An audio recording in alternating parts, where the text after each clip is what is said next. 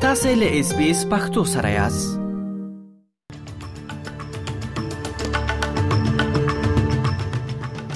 د خبرونو سرټکی مدافعین د بیوزلۍ د کرخې د ملي تعریف غوښتنه کوي ځکه وایي چې مرستو غوښتونکو په شمیر کې 50 سلنه ډیروالی راغلی دی او حکومت باید د مسلې ته جدي پام وکړي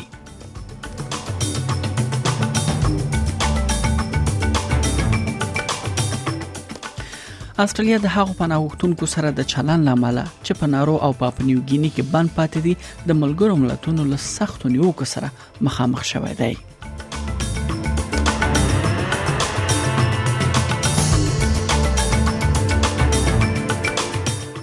د استرالیا له مهاجرو ټولنو څخه غوښتل کیږي چې د بهرانیو حکومتونو یا د هغوی د اجنټانو د هر هغه فعالیت راپور ورکړي چې د استرالیا اوسیدونکو ته د زیان رسولو لپاره دوی پټ جاسوسي تاکتیکونه دلته په استرالیا کې کاروي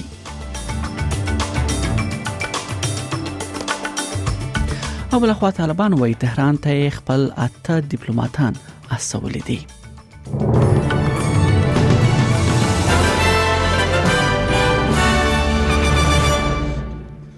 او دا هم بشپړ خبرونه مدافعین د بیوزلۍ د کرخې د ملي تعریف غوښتنه په استرالیا کې کوي ترڅو د ناورین په وړاندې د ځوابونو همغږي کولو کې دوی سره مرسته وکړي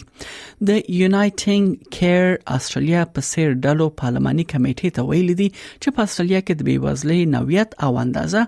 دوی معلوموي ځکه چې ګرانۍ لوجه د مرستو غوښتونکو په شمیر کې 50 سلنه ډیر واره لغلی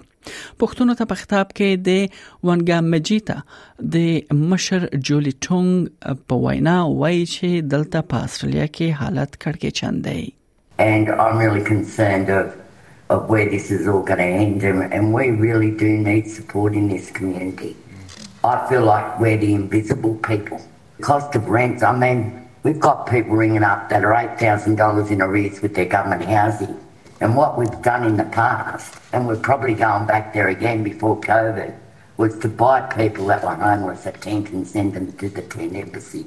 It's not good enough. استرالیا د هغو پناه غوښتونکو سره د چلن لامل چې پنارو او په پنیوګینی کې بند پاتې دي د ملګرو ملتونو له سختو نیوکو سره مخامخ شوی د کډوالو لپاره د ملګرو ملتونو عالی کمشنري د بشري حقوقو لړډلو او د بنسټیزو مدافعینو سره یو ځای شوی دی او د شاوخوا 150 کسانو له نارو او پاپنیوګینی له توقيف ځایونو څخه د هغوی سمدسي ایستلو غوښتنه کوي ملګری ملتونه وایي د استرالیا حکومت د نړیوالو قوانینو لمخې د پناه غوښتونکو د خوندي استوګنځي په برخه کې قانوني مسولیت لري چې ترې مخه نشي اړولای د دوی سرګندونه د پارلماني تحقیقاتو لخوا ترلاسه شوې سپارښتنو یو برخه ده چې د ګرینز ګون سناتور نیک مکیم لخوا د شته قانون پلټنه لپاره پارلمان ته وړاندې شوې دا مهال شپږ شپته کسان په نارو کې او نور 92 په پاپنیو ګینی کې دي او د ګرین ګون سناتور پارلماني کمیټې ته دوی غوښتنه وړاندې کړې ده چې دوی د استرالیا ته راوصل شي چې چیرې دوی د استرالیا ملي امنیت ته کوم ګواښ نه پیښوي بل خبر دا دی چې د استرالیا له مهاجرو ټولنو څخه دلته په استرالیا کې غوښتل کیږي چې د بهرانیو حکومتونو یا د هغوی د اجنټانو د هر هغه فعالیت راپور ورکړي چې د استرالیا اوسیدونکو ته د زیان رسولو لپاره دوی پټ جاسوسي تاکتیکونه کاروي د استرالیا فدرالي پولیس د زکړې کمپاین پیل کړی دی چې په هغه کې ډیر شو ژبو باندې حقیقت پاڼې پر ټولونو ویشي ترڅو د ماجرات شالید لرونکو استرالیان وهڅوي چې له چارواکو سره خبرې وکړي چې چیرې د بهرنۍ لاسوخنې ګواښ دوی احساسوي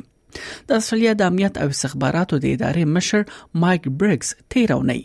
استرالیانو ته خبرداري ورکړ چې د ټولنې د ټولو برخو څخه یعنی د قاضیانو، ژورنالیستانو او پخوانیو سرتیرو په ګډون د بهرانیو جاسوسي ادارو لخوا دا ټول په نخښه کیږي پولیس وایي دغه عملیات له چین، روسیې او ایران ورته هیوادونو څخه دغه استرالیا سره یعنی استرالیا ته راغلي دي چې پکې هغه کسان هم شامل دي دلته په استرالیا کې هندي، ویتنامي، تای، کمبودیا او لاتویایي سابقه لرونکي کسان هم په جاسوسي تورن شوي دي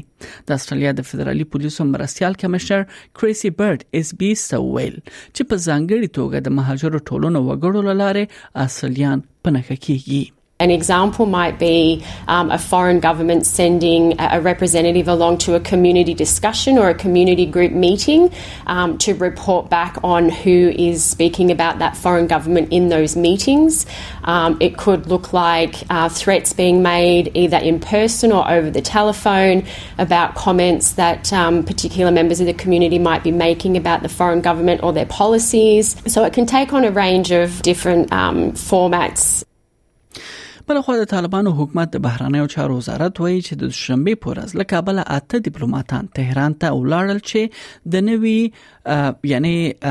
دغه په ایران کې چې د افغانستان د سفارت چارې حل تغوی ته سپارل شوې دی هغه سمبال کړي د وزارت وایي دا پریکړه د سفارت په چارو کې د خان او زند د مخنیوي په مخه شوې ده دغه وزارت د اسیا څنګه مشر ذاکر جلالی په ټوئیټر لیکلی دی چې ایران او ترکیه دوه هغه سیمه ایز هیوادونه دي چې ډیر افغانان پکې میشتي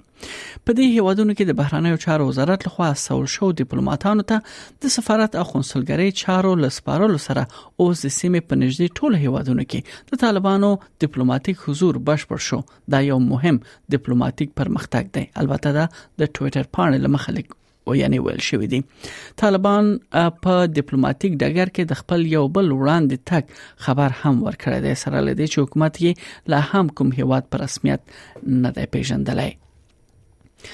بل بد خبر له ایتالیا څخه د ایتالیا کې د کډوالو کښتۍ ډوبېدو لامل تر سلو ډیر کسانو د وژل کېدو ویره شته چې په هغه کې دوه ویا یعنی افغانان خودل شوې دي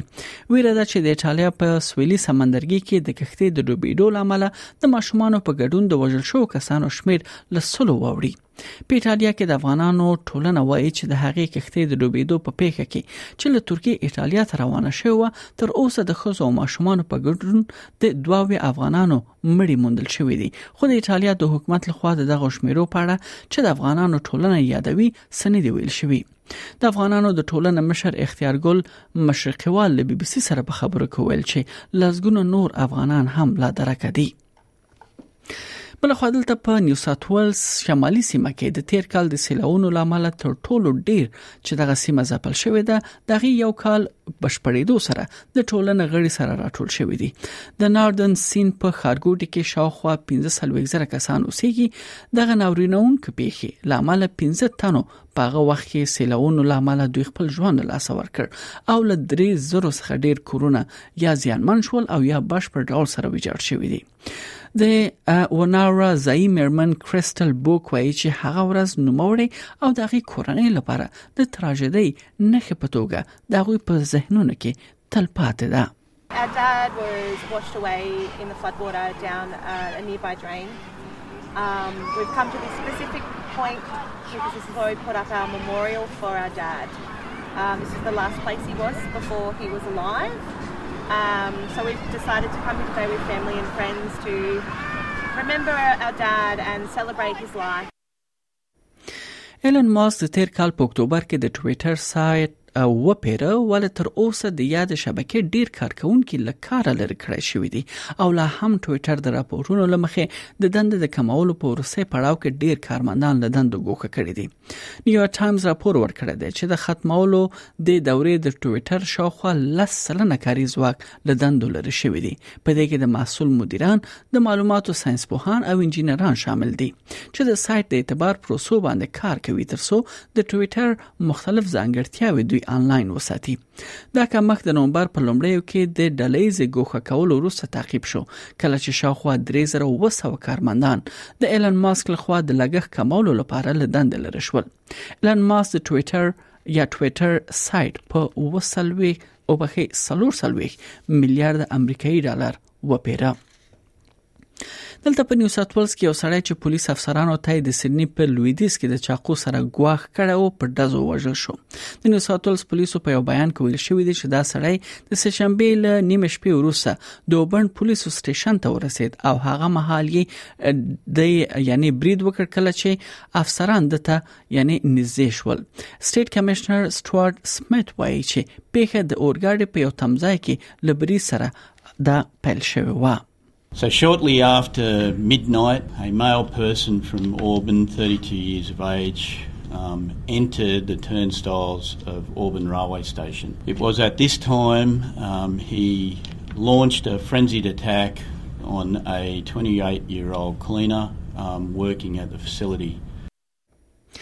بلخوا دا هم روسي خبر دی چې سپورتي دی فیفا له خوانه لیون میسی او هم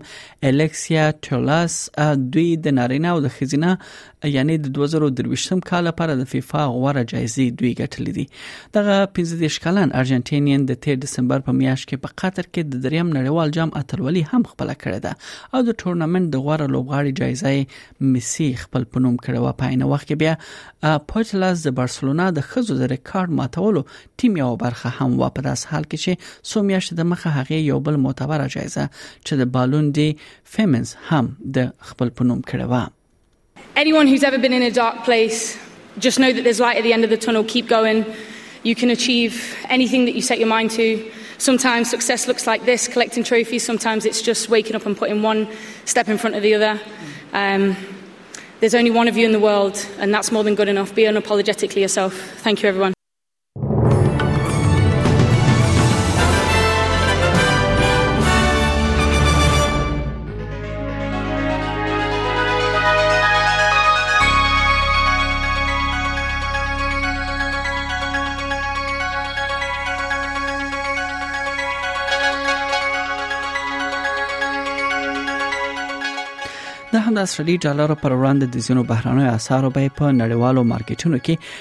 یو استرالی ډالر 0.18 امریکایي سنت 0.38 یورو سنت یو استرالی ډالر 9.53 افغاني روپی یو سل دریا او یا اشاریه او یا پاکستاني روپی یو استرالی ډالر 55.40 هندۍ روپی 2.40 اماراتي درهم او 0.55 انګلیسي پنسه ارزښت لري د هم د استرالیا د ځینو ښارونو نن لپاره د تودوخه تر ټولو لوړه درجه هغه هم د سانتیګریډ په کچه په سندري کې هوا یعنی اسمان برګ دی وویش په ملبورن کې هوا اسمان حالت هم برګ دی لوړه درجه 19 سانتیګریډ اټکل شوې ده په برزبن کې بیا اسمان برګ یو دیش په پرت کې هوا مریضه ده و دیش په اډلېټ کې اسمان برګ سلیریش په هوبر کې اسمان برګ شل په کمبيرا کې اسمان برګ نه ویش او په اخر کې